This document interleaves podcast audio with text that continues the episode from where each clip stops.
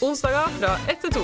Stress kan faktisk være bra for deg. Programmet for alle med en menneskekropp. Det går an å kjenne seg igjen i. Men hva skal jeg gjøre med det, da? Mat og alkohol. Du hører på Kroppsliv. På Studentradioen i Bergen. Hei, alle våre kjære lyttere, både internasjonale og lokale lyttere her i Bergen. Velkommen til Kroppslig på Studentradioen. Og den stemmen du hører nå, er Siri. I dag så skal vi snakke om eh, et tema som jeg syns er veldig interessant. Klimaendringene er i dag vår tids største trussel mot planetens og også folks allmennhelse. En sektor eh, som ikke snakkes så veldig mye om i denne sammenhengen, men som bidrar betydelig til klimagassutslippene, er nettopp eh, helsesektoren. Og med meg i studio har jeg to eh, veldig aktive deltakere i Klima er lik helse. Dere kan jo introdusere dere selv. Ja, hei, jeg heter Runa. Jeg er medisinstudent på siste året. Ja, hei, jeg heter Georg, og jeg er odontologistudent på andre året. Og er med i Klimalik helse. Ja. Samme som Runa. Runa. Ikke sant? Ja, så det sier jo litt om dagens tema. Klima er lik helse. Er, eh, det er det vi skal snakke om i dag. Jeg lurer litt på hvem er Klima lik helse? Hva gjør dere? Eh, Klima lik helse er en studentorganisasjon som er på medisinske fakultet. Som ble startet i 2013, tror vi. Vi er litt usikre. Men eh, vi er en eh, liten gjeng som er eh, klimaengasjerte helsestudenter. Og da prøver vi å lære mer om og formidle eh, hvordan klimaet henger eh, sammen med vår helse. Og så driver vi en eh, grønnsakshage på sykehuset som heter Urtehagen. Dere kan jo fortelle litt om eh, hvorfor eh, dere er opptatt av et grønt helsevesen. Jeg har sånn Altså, jeg har et veldig klimaengasjement, men jeg har jo Mm. på en måte valgt et studie som ikke har så mye med klima å gjøre. I hvert fall ikke ved første øyekast. På en måte, Tannlege er jo ikke klimayrket, klimayrke, men jeg har veldig lyst til å ha, på en måte, realisere mitt klimaengasjement. Og da er Klima er lik helse en veldig god organisasjon for meg. føler jeg i hvert på en måte. Mm. Fått utløp for uh, det engasjementet.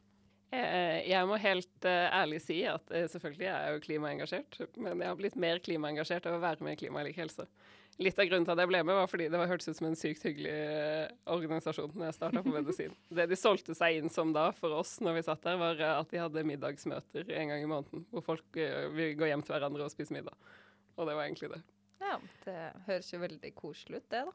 Ja. så syns jeg klima er veldig viktig og spennende òg, da. Selvfølgelig. Jeg ønsker å introdusere en ny spalte, som er uh, ukens uh, helseråd. Og så kan vi jo starte med Georg, for han, nå har jo Georg pratet en time om uh, dette helserådet, så da kan vi jo dele det med alle lytterne, da. Ja, mitt helseråd er jo eh, gå ut på mat, Mm. eh, og da spesifikt økologisk mat, eh, som vi diskuterte litt og var ikke helt enige om det faktisk var bedre for deg. Men jeg mener i hvert fall at det er sunnere og bedre for klimaet. En ting er på en måte sprøytemidler og den slags, som du får mindre av. Men så er det også eh, mer klimavennlig, ifølge meg. Og, eh, mm. Men ikke alle er enige om det, så det er jo et interessant tema. Hva med deg? Eh, mitt helseråd er jo egentlig litt imot Georg sitt. Eh, jeg pleier å si til folk Så når man går på medisinstudiet, så ender folk opp med å spørre deg om masse ting om helsa si. Om de skal gå til legen eller ikke. Og da pleier jeg alltid å ha som svar til dem at eh, de ikke skal kjenne så mye på kroppen sin før de blir 40. Eh, at de knapt skal vite at den eksisterer. Og så at de må slutte å tenke på helsa si. Så jeg er jo egentlig opptatt av at vi skal ikke tenke så mye på helsa vår. Men hvis du vil ha et enkelt helseråd, så syns jeg klima eh, Jeg mener økologisk mat er en veldig, veldig god idé.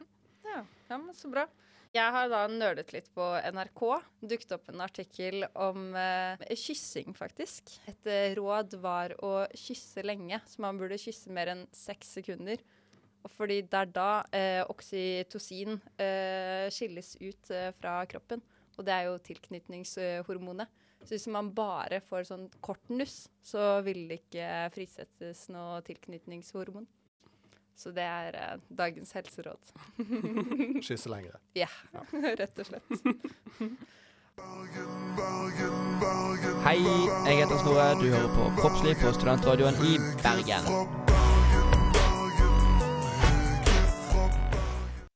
Neste stikk er, som vi skal snakke om, er hvordan eh, helsevesenet påvirker klima. Og nå som jeg har med meg klima er lik helse, dere har jo litt eh, eh, oversikt over dette her. Har dere lyst til å fortelle litt om dagens situasjon? Eh, kan jo begynne med et eh, tall, som alltid er litt gøy. Mm. Eh, og det er det at eh, helsesektoren faktisk står for eh, omtrent 5 av globale utslipp i dag. Altså av alle utslipp i hele verden. Og det er da mer enn flytrafikk og all shipping sammenlagt. Så det er ganske store utslipp som kommer fra helsesektoren. Det, det er store tall. Det nevnes ikke så ofte i media når vi snakker om disse elbilene og at uh, folk må slutte å kjøre bil med fossilt brensel og gå over til elbil. At man glemmer litt hvor uh, utslippene er størst. Mm. Ja, jeg tror helsesektoren har blitt en sånn eh, sektor som man tenker er uh, det ultimate målet. da. Og at der er alt lov for god helse. Og så har man glemt at det egentlig kan være litt paradoksalt å gjøre det på denne måten. Fordi eh, eh, klimakrisa er også en helsekrise. Så Mm. da er det jo dumt at helsevesenet bidrar til den krisa. Mm, absolutt. Og så er det jo eh, Jeg leste et sted at den norske helsesektoren er jo det, det verste eh, blant alle helsesektorer. Norske helsesektoren er en av de som slipper ut mest eh, per innbygger globalt. Når vi snakker om det som er paradoksalt, det er jo at Tenk de det landet som har best helse, er de som slipper ut mest per innbygger. Det kan jo også være en eh, sammenheng der, da. At vi behandler så masse at vi eh, kanskje overbehandler. Mm, ja. En liten overbehandling. Ja, det overrasker ikke. Rett og slett. Eh, og eh, forskning på helse og klima har jo pågått i mange år.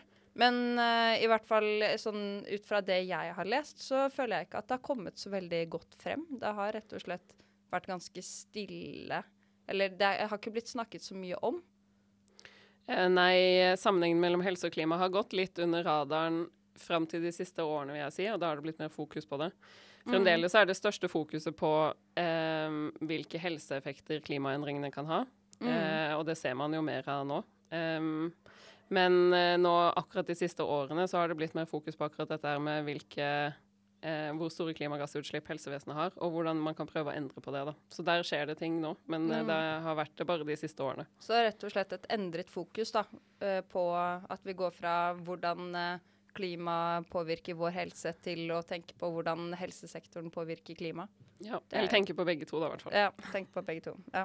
Jeg har en oppla- oppfattelse av at måtte, en måte, helsesektoren måte, har hevet seg litt over eh, klimaspørsmålet. på en måte, At det ikke angår helsesektoren, fordi de driver på en måte med noe som er så viktig som ikke kan på en måte Man kan ikke eh, gjøre kutt der, da, på en måte. Eh, Mm. Men likevel så har jo de et stort eh, klimaansvar når de står for så store utslipp, mener i hvert fall jeg. Så det er jo eh, interessant.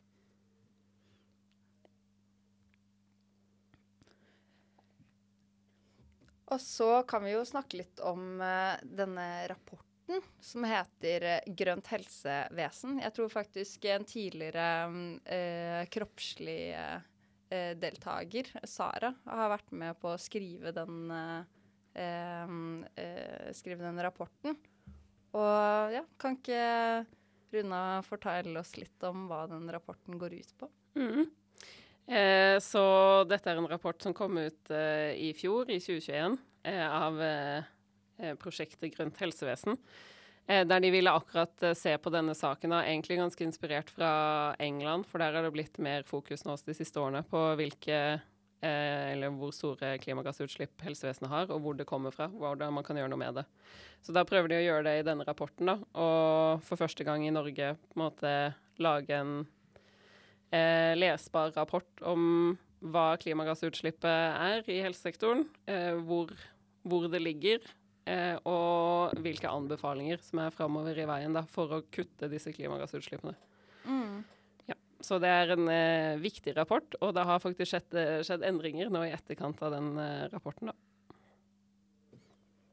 Ja, det, vi kan jo snakke litt om eh, det med disse endringene som rapporten eh, snakker om, da. Eh, hvilke endringer er det den rapporten nevner?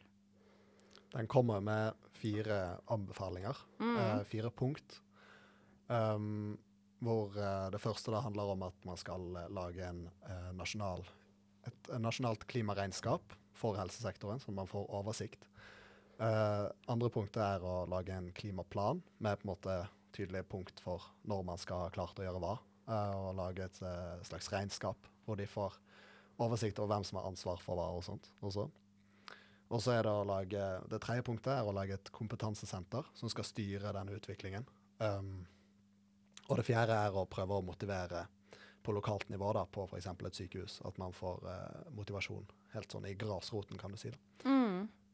Og eh, det er i hvert fall de de nevner som fire hovedanbefalinger.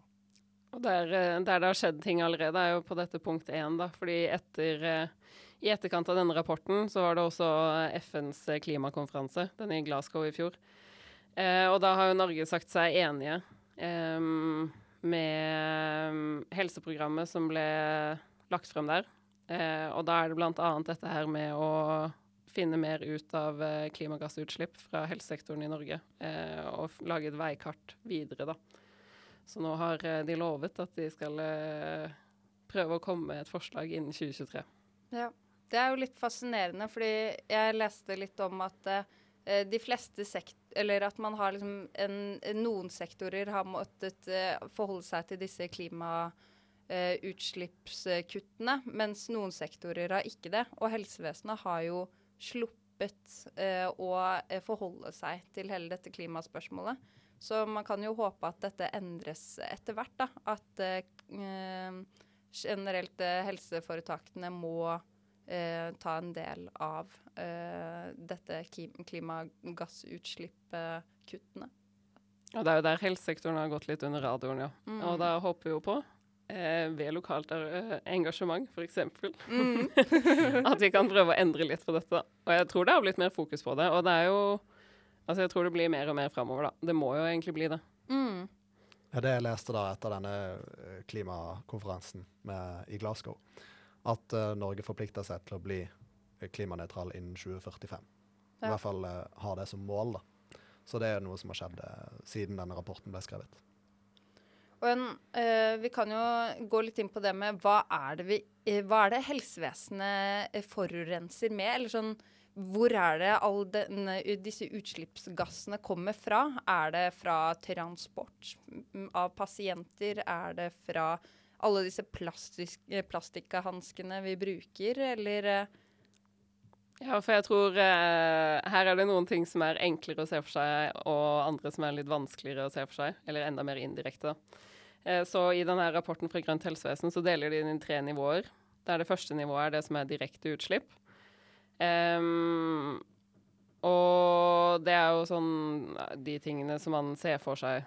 Altså det er typ eh, lokal oppvarming hvis de bruker oljefyring på sykehuset f.eks., eller transport av helsepersonell og pasienter og den slags. Så det er veldig sånn veldig direkte da på sykehuset.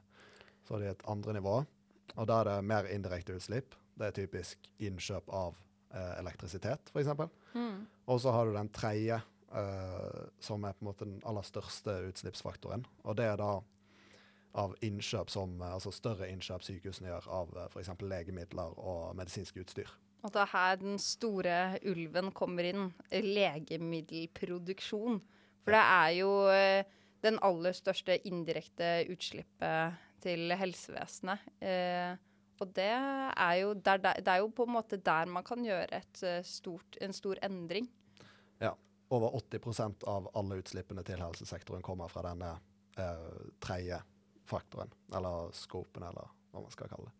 Men eh, er dette noe som diskuteres, eller har det blitt gjort noen tiltak for å kutte eh, gass, eller utslipp fra legemiddelproduksjon?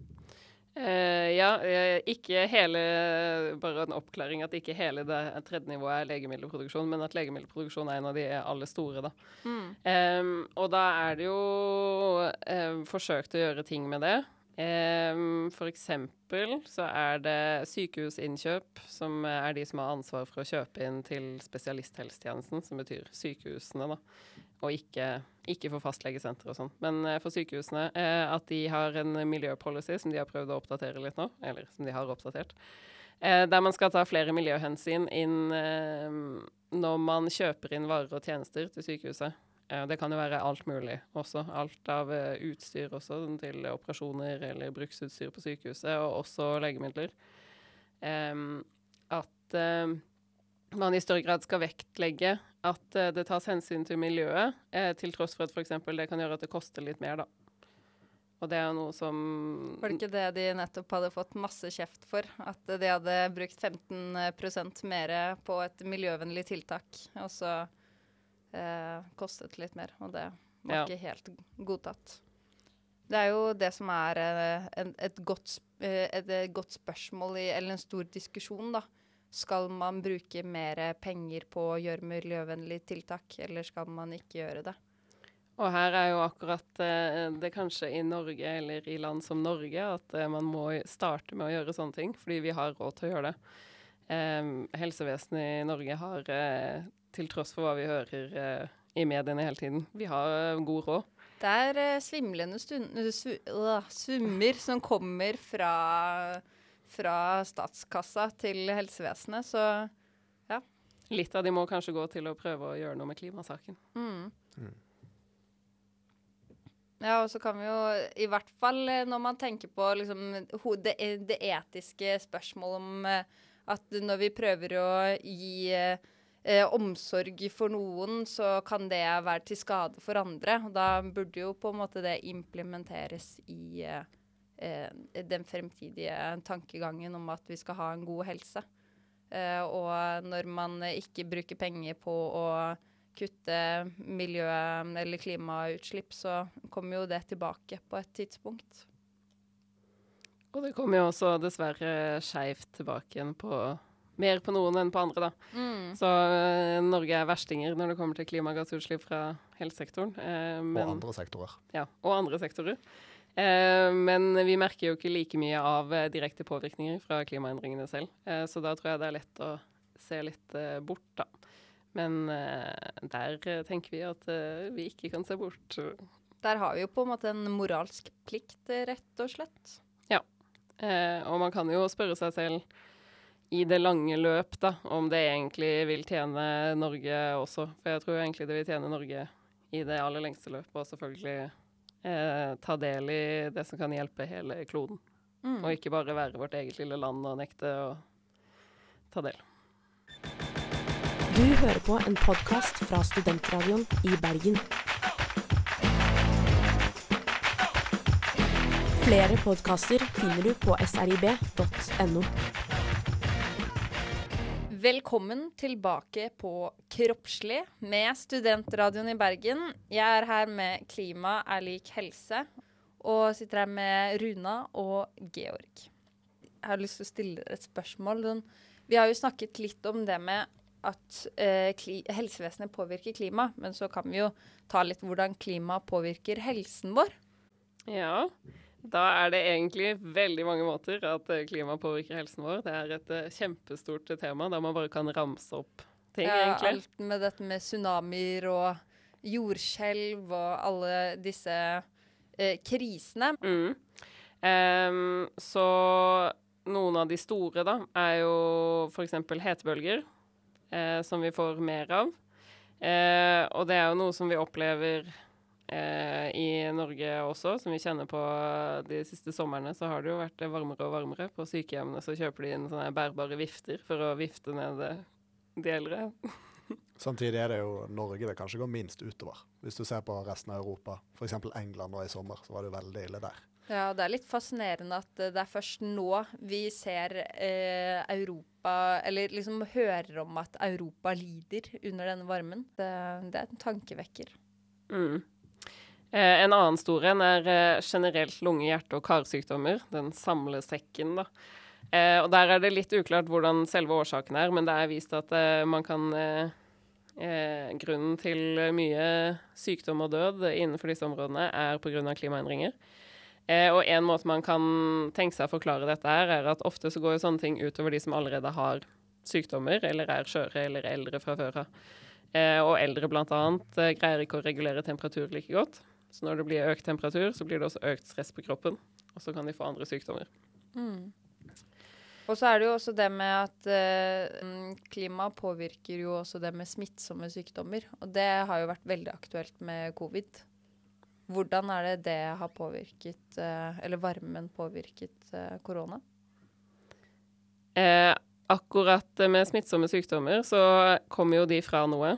Eh, og det de kommer fra, liker ofte å ha det litt varmere og våtere. Eh, så når eh, verden blir litt eh, varmere, så blir det bedre miljø for omtrent alle ting som bærer eh, smittsomme sykdommer. Eh, så da kan man se at det blir både mer av det, og at området de sprer seg i, blir større. og sykdommer som man før ikke hadde sett ikke hadde sett i Europa, kan nå komme til Europa og lenger nordover. Sånn at vi også har sett f.eks. at eh, borreliose har blitt eh, mer vanlig i Norge også. At eh, flått har fått mer områder å spre seg på. Ja, og så er det jo snakk om at malaria kan spre seg til Europa, har jeg hørt i hvert fall. Og det er jo også noe som måtte aldri har vært en virkelighet før, men kan bli det nå. Men så er det også, vi kan ta et sånn veldig aktuelt uh, tema nå, er jo Pakistan, som uh, lider under uh, flom nå. Veldig stor flom. Og det er jo på en måte Da får du Drikkevannet blir skittent, og det blir veldig stor Eller i hvert fall fare for stor spredning av uh, diarésykdommer og den slags. Og uh, også malaria der. Uh, videre så går det utover avlingene i Pakistan, og det vil også kanskje føre til sult. Og sult er jo også noe som uh, i aller høyeste grad påvirker helsen, og det er i lang tid for, for den berørte. da. Mm. Og det med drikkevann er jo ekstremt viktig for god folkehelse. Man glemmer litt, i hvert fall vi som har, kan åpne springen, og uh, være trygg på at vi ikke blir dårlige av uh, å drikke fra springen.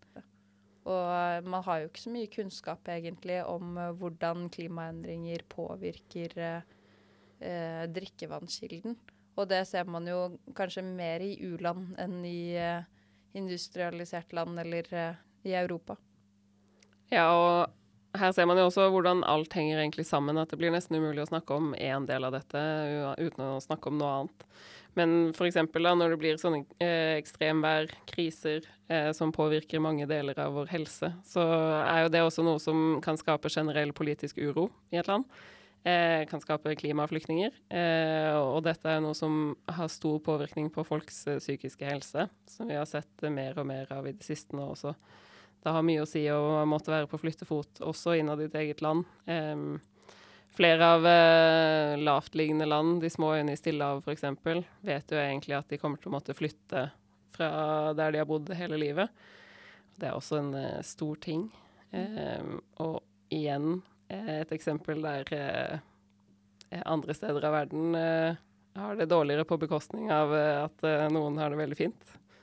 F.eks. oss her. Ikke sant.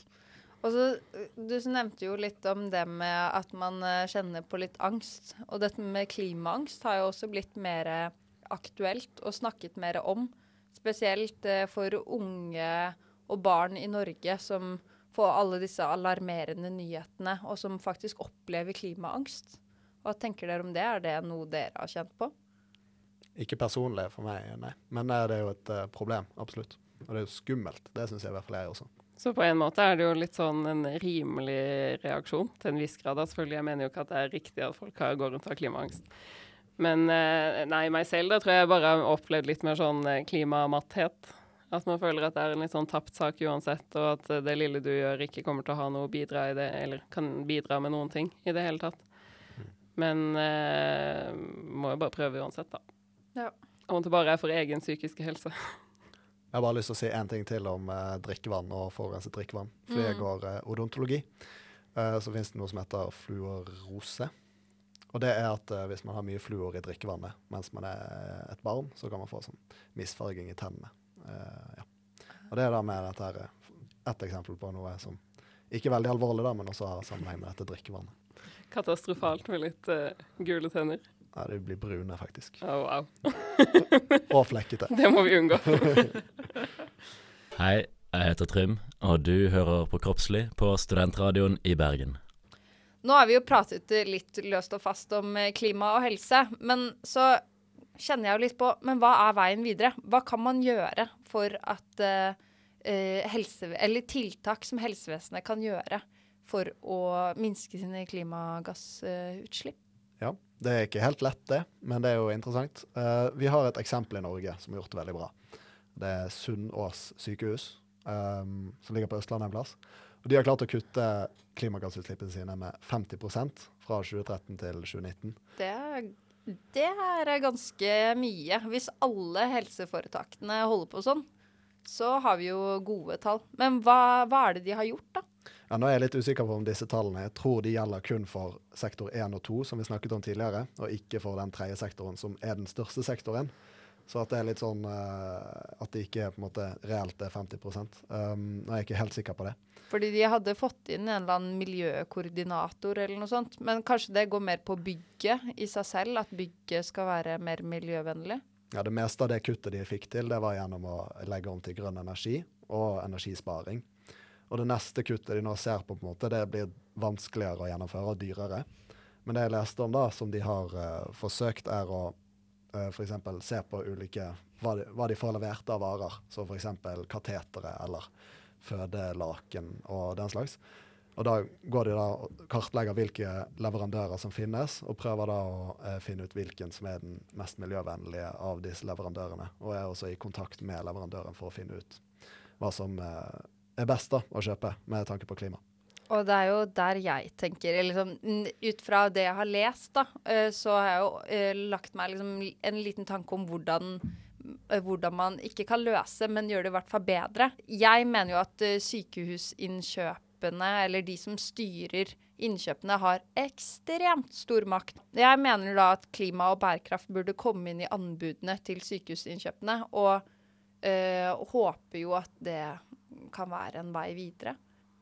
Ja, jeg tror det er et uh, tiltak uh, som kan ha veldig masse å si. Det er jo, som Georg sa også, litt vanskeligere å gjennomføre. De tiltakene som blir gjort på Sunnaas uh, så langt, er de som er liksom enkle og billige og egentlig kan spare penger, hvis man gjør det på riktig måte.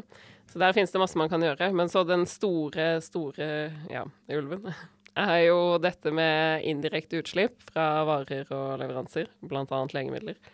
Eh, og um, siden vi har så fantastisk god helse i Norge, så er det også til dels fordi vi eh, har råd til å kjøpe inn masse ting. Og hvor er det Eller det er jo i India eh, de fleste legemidler blir produsert. Og tenker dere da at det er India som har ansvaret, eller er det Norge som kjøper, som har ansvaret? Eller hvem, hvem er det som har ansvaret for å gjøre disse tiltakene?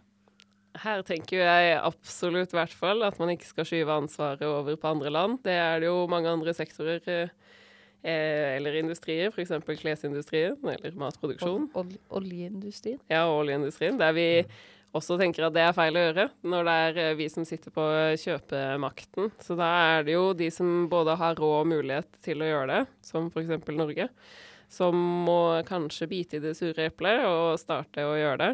Og så Det er jo her det også da er viktig med eh, både engasjement og kunnskap om temaet. Sånn, fordi det blir nok eh, kanskje litt oppstyr og misnøye eh, når ting blir dyrere eller vanskeligere å få tak i.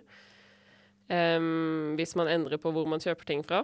Eh, men da, hvis alle er allerede inn, altså interessert og vil gjøre endringer, spesielt eh, da helsepersonell, også, som kan informere om hvorfor det er sånn, og hvorfor disse endringene gjøres, så kan vi jo alle være med på laget. Jeg tror også disse her, uh, sykehusinnkjøpene i Norge, altså de som står for det, har jo veldig mye makt. Hvis på en måte, hele Norge sier at vi har lyst på miljøvennlige kateter, da, for eksempel, så er det på en måte noe produsentene vil konkurrere om å få til.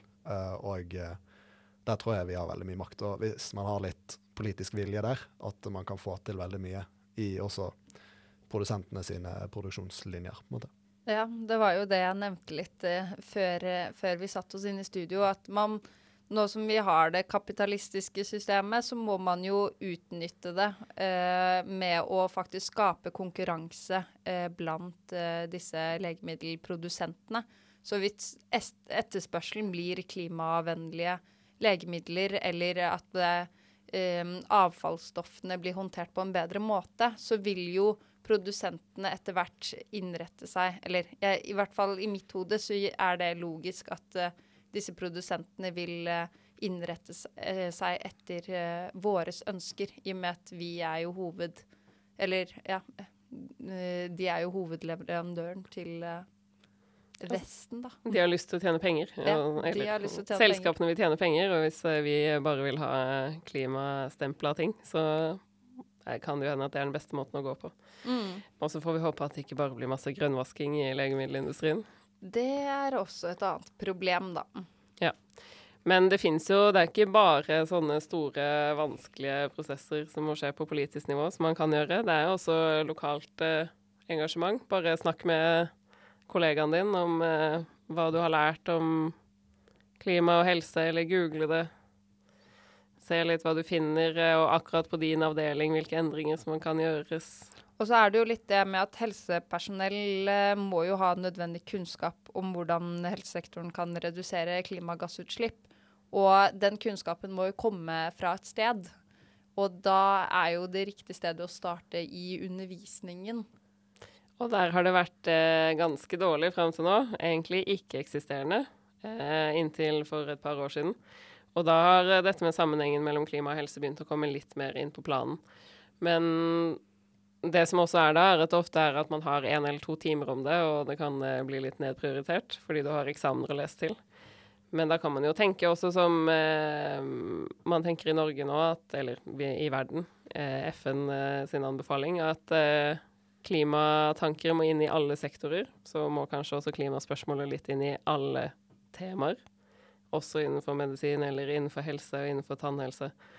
Så at det ikke bare skal være én spesialtime, men heller eh, en ting man må ta inn på mange andre timer òg. Ja, det, jeg er helt enig der. I hvert fall sånn jeg opplever det noen ganger, er at man eh, på en måte får en slags opplæring i overforbruk, på et vis. Eller sånn at man har uendelig med ressurser.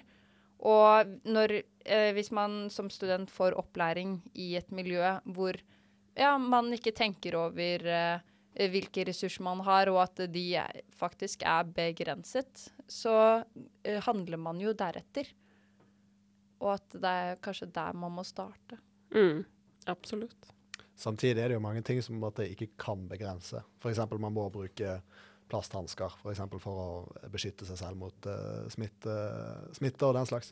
Men så finnes det også andre sektorer hvor man kan begrense. og det må man prøve. å- Men jeg tror også at det er viktig at man bare liksom, at det blir et tema med klima i helsesektoren. For jeg synes sånn, for eksempel på odontologen, da, så er det ingen som snakker om klima, føler jeg da i hvert fall, um, unntatt meg.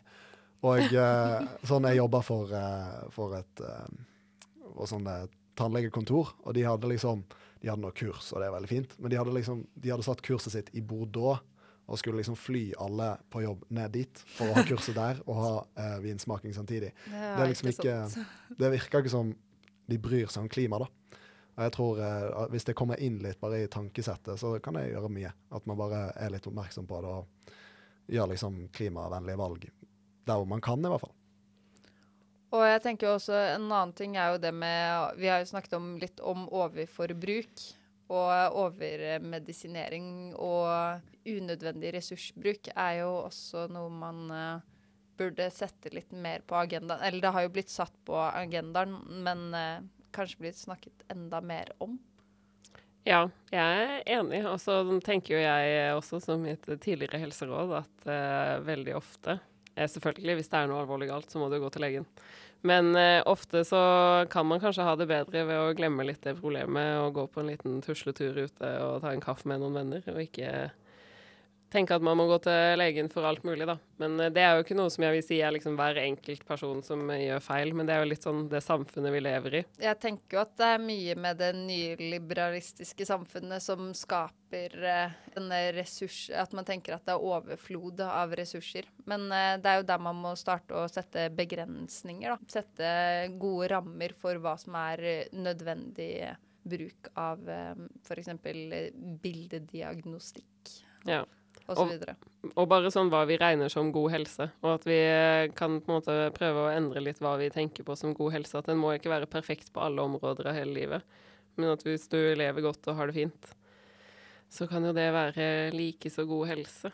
Mm. egentlig, da. Så, men dette er jo igjen ikke noe som jeg mener at en måte, hver enkelt person skal tvinge seg selv til å endre på hva de tenker på som god helse, men at eh, kanskje staten har litt ansvar for å eh, prøve å endre på hva vi tenker på som helse. Og det, nå har vi jo flytta litt vekk fra temaet om eh, klima og helse, men jeg tror det, jeg tror det henger sammen. Så du tenker at man ikke skal overbehandle, liksom? Ja. Mm. Vi Det må gjør jo rett og slett forbruke mindre. Det er jo det som egentlig hele klimakrisen eh, bunner i, er at vi må forbruke mindre. Og Ja. der må man jo starte på alle plan. Mm. Ja, både det er at vi bruker for mye, og også hva vi bruker. Ikke sant? At vi må endre på det også. Alle veldig store temaer, da. Og det høres ut som at man ikke kan gjøre noen ting. Ja. Samtidig har vi jo, eh, går det jo framover. F.eks. England har forpliktet seg og har sånn gode planer og fulgt på en måte eller kanskje gjort mange av disse punktene som eh, Grønt helsevesen kommer med i rapporten sin. Og jeg på en måte på Govedia f.eks. laget en sånn her kunnskapssenter for som skal lede dette arbeidet, og har på en måte en klar plan på hvordan de skal gjøre helsesektoren sin klimanøytral. Så det er, det er håp, på en måte. Det er i hvert fall mye som skjer nå. Det er godt å høre. Hei, jeg heter Snorre. Du hører på Kroppsliv på studentradioen i Bergen.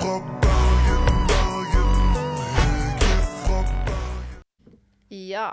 Nå har vi kommet til veiens ende, og vi skal nå gå inn i min nye neste spalte, ukens refleksjon.